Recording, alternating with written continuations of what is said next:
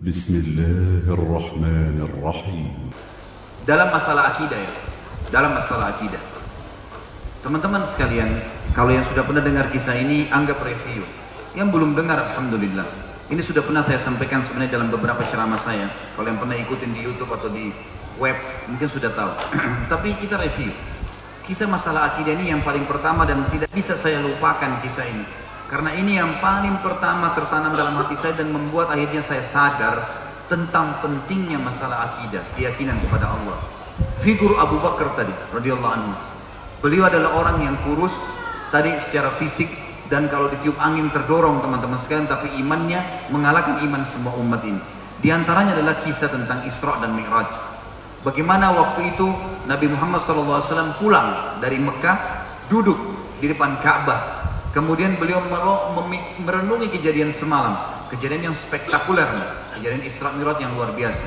Apa yang terjadi teman-teman sekalian?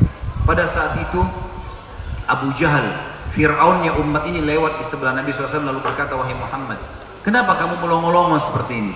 Bahasa sederhananya begitu. Lalu Nabi SAW menceritakan apa adanya. Semalam datang kepada saya malaikat Jibril Jibril membawa seekor kuda bernama Burak. Burak itu kuda putih bersayap. Di mana waktu saya saya tunggangi atasnya. Di mana pun kakinya, kakinya, ya, di mana pun matanya melihat kakinya sudah di sana. Saking cepatnya.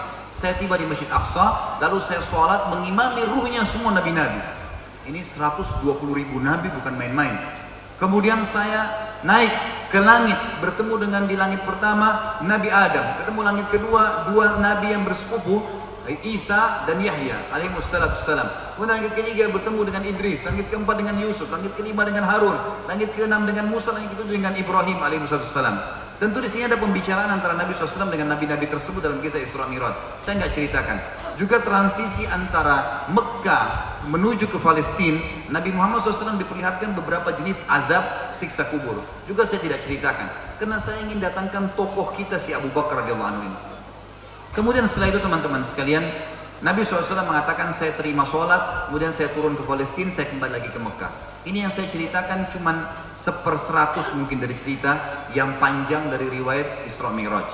Teman-teman sekalian, setelah selesai menyampaikan panjang lebar kisah tersebut, maka Abu Jahal berkata, wahai Muhammad, apa kau melakukan perjalanan dari Mekah ke Palestina yang kami tempuh dengan kuda terbaik kami sebulan pulang pergi dua bulan. Jadi waktu itu kalau kuda terbaik, laki-lakinya juga segar dan kuat, itu mereka harus butuh satu bulan naik kuda non-stop sampai Mekah Palestina. Pulang lagi satu bulan, berarti dua bulan. Apa kau tempuh dalam satu malam? Kata Nabi SAW, iya. Coba teman-teman gini rasionalnya. Kalau di masjid ini sekarang ada yang hadir dan dia bilang begini. Tadi pagi, saya jam 6 pagi tadi berangkat dari Jeddah ke Makassar. Sekarang sudah tiba. Percaya nggak kira-kira? Hah? Ini masih hidup gak nih? Nggak ada suara Kira-kira masuk akal nggak? Jam 6 pagi tadi take off dari Jeddah. Itu kalau jam 6 sana berarti jam 10 waktu sini ya. Beda 4 jam kita maju. Anggap jam 10 tadi. Ya. Kemudian sekarang dalam 26 menit saja. Sekarang 10.26. 26 menit sudah tiba di Makassar. Percaya nggak kira-kira? Ada pesawat loh. Bagaimana di zaman Nabi Muhammad SAW perjalanan sebulan pergi sebulan pulang. Waktu itu dengan kuda terbaik satu malam. Apa kata Abu Jahal? Hai Muhammad, kau menempuh perjalanan kami dengan kuda terbaik kami. Sebulan pergi, sebulan pulang, dua bulan dalam satu malam. Kata Nabi SAW, iya. Dengan jelas. Kata Abu Jahal apa? Hai Muhammad, kau mau ceritain nggak masyarakat Mekah nih kalau saya kumpulin mereka? Kata Nabi SAW, tentu saja. Tidak nunggu, Abu Jahal pegang tangan Nabi SAW, dibawa ke atas bukit, namanya Bukit Abi Kubais. Bukit untuk menginformasikan sesuatu di Mekah pada saat itu. Naiklah, pada saat itu Nabi SAW dengan Abu Jahal, Abu Jahal lalu teriak-teriak, wahai penduduk Mekah, perlu anda tahu, Bukit Abi Kubais ini hanya dipakai untuk menginformasikan sesuatu yang penting saja sesuatu yang penting saja gitu kan? Dan yang boleh naik hanya budak. Ada satu orang budak selain dia kalau naik dipenggal lehernya karena ini informasi penting. Kayak Mekah akan diserang ada lahir anak kepala suku ada mati kepala suku baru bisa naik ke situ. Kalau enggak nggak boleh. Masyarakat Mekah tuh lihat kaget. Di atas bukit Abi Kubais ada dua orang tokoh Mekah. Abu Jahal raja mereka waktu itu dan juga ya Nabi Muhammad SAW Berkumpullah orang-orang kafir karena Abu Jahal, berkumpul orang beriman karena Nabi SAW.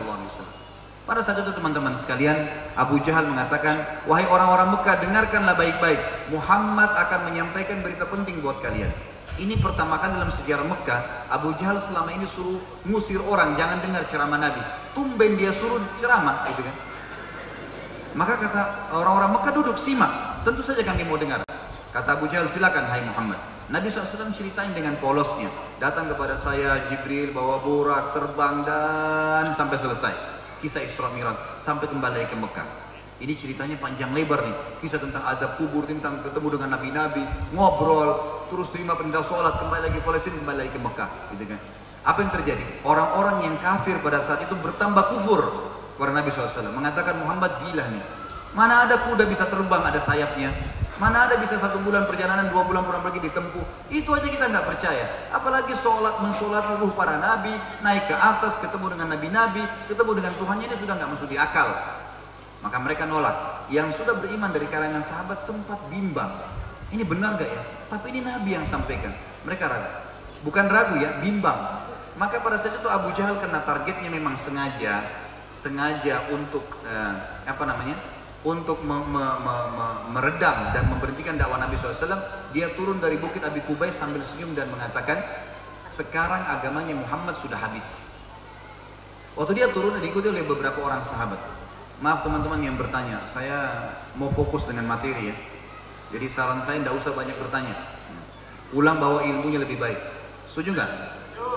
Karena kadang-kadang begini, ada pertanyaan yang dilemparkan teman-teman sekalian, nanti mengacuin materi yang antum sudah dapat. Ya. Lebih baik antum bawa ilmunya pulang kecuali insya Allah masih ada waktu baru kita buka untuk itu. Bisa disepakati ini? Baik. Itu lebih baik ya, itu lebih baik. Kami dulu saya dulu dapat pelajaran dari guru-guru saya di Madinah. Subhanallah mereka memang mengajarkan kami metode belajar juga. Jadi kami itu disuruh fokus untuk fokus materi. Kalau darurat baru bertanya, gitu kan? Kalau darurat baru tanya. Kalau nggak nggak nggak darurat jangan ditanya. Apalagi kalau sudah tahu. Apalagi kalau niatnya mau ngetes ini jangan hadir. Hmm.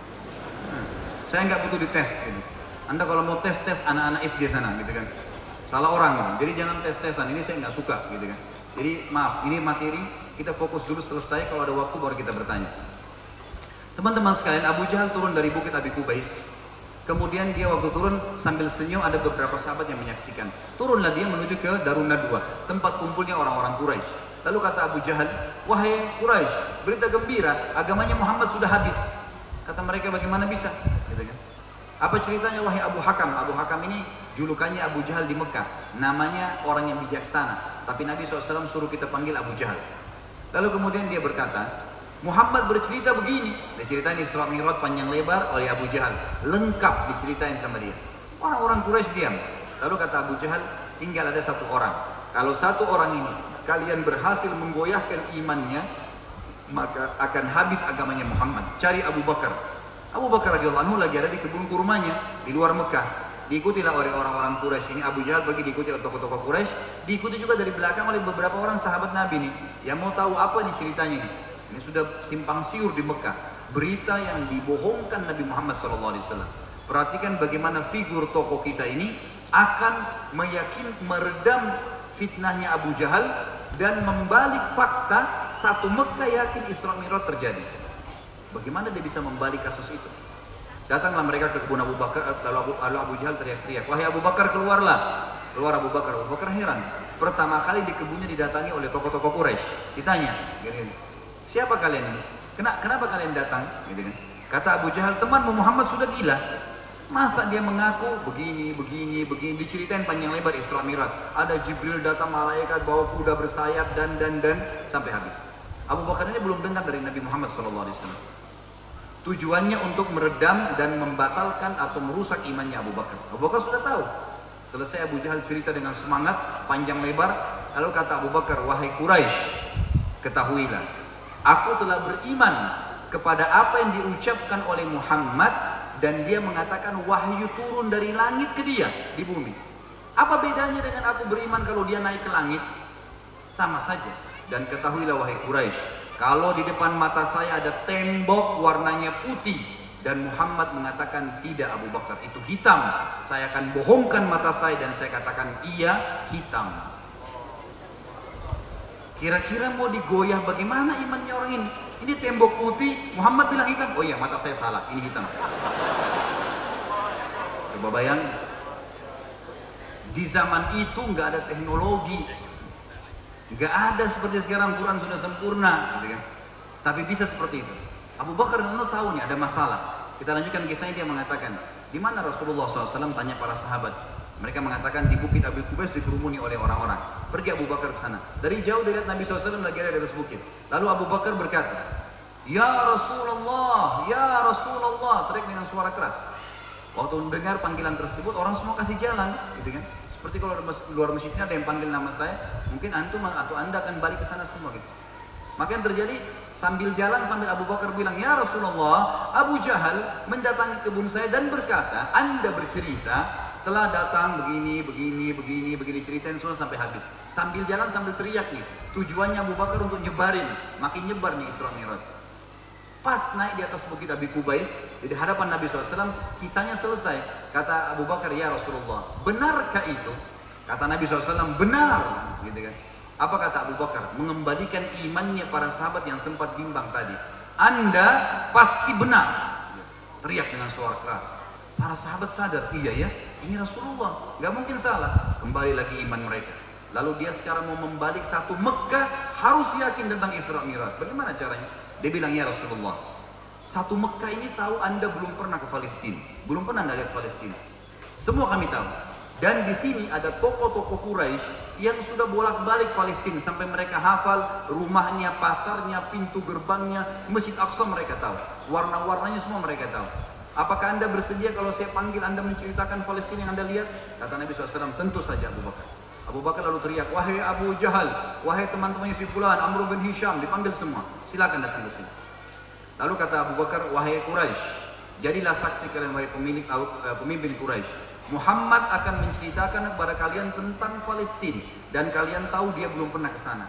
Kalau apa yang disampaikan nanti tentang jalannya, pintu gerbangnya, pasar-pasarnya, rumah-rumahnya, masjid aksanya, seperti yang kalian tahu, harus sportif mengatakan Muhammad benar. Dan kalau yang disampaikan satu saja tidak sesuai yang kalian tahu, kalian boleh mendustakan Muhammad selamanya. Setuju?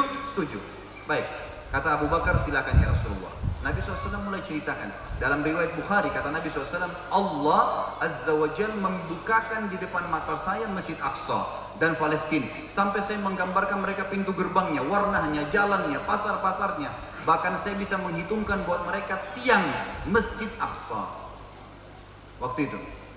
Waktu Nabi SAW mengatakan pintunya begini, jalannya begini, semua tokoh Quraisy mengatakan Muhammad benar, Muhammad benar, Muhammad benar. Semua mereka sendiri memberikan kesaksian. Maka satu kota Mekah kembali yakin dengan Isra Mi'raj yang tadinya hanya dikembalikan oleh seorang yang badannya kalau ditiup angin bisa terdorong, saudara. Abu Bakar radhiyallahu anhu. Bagaimana ada orang bisa mencaci maki figur orang seperti ini, teman-teman sekalian?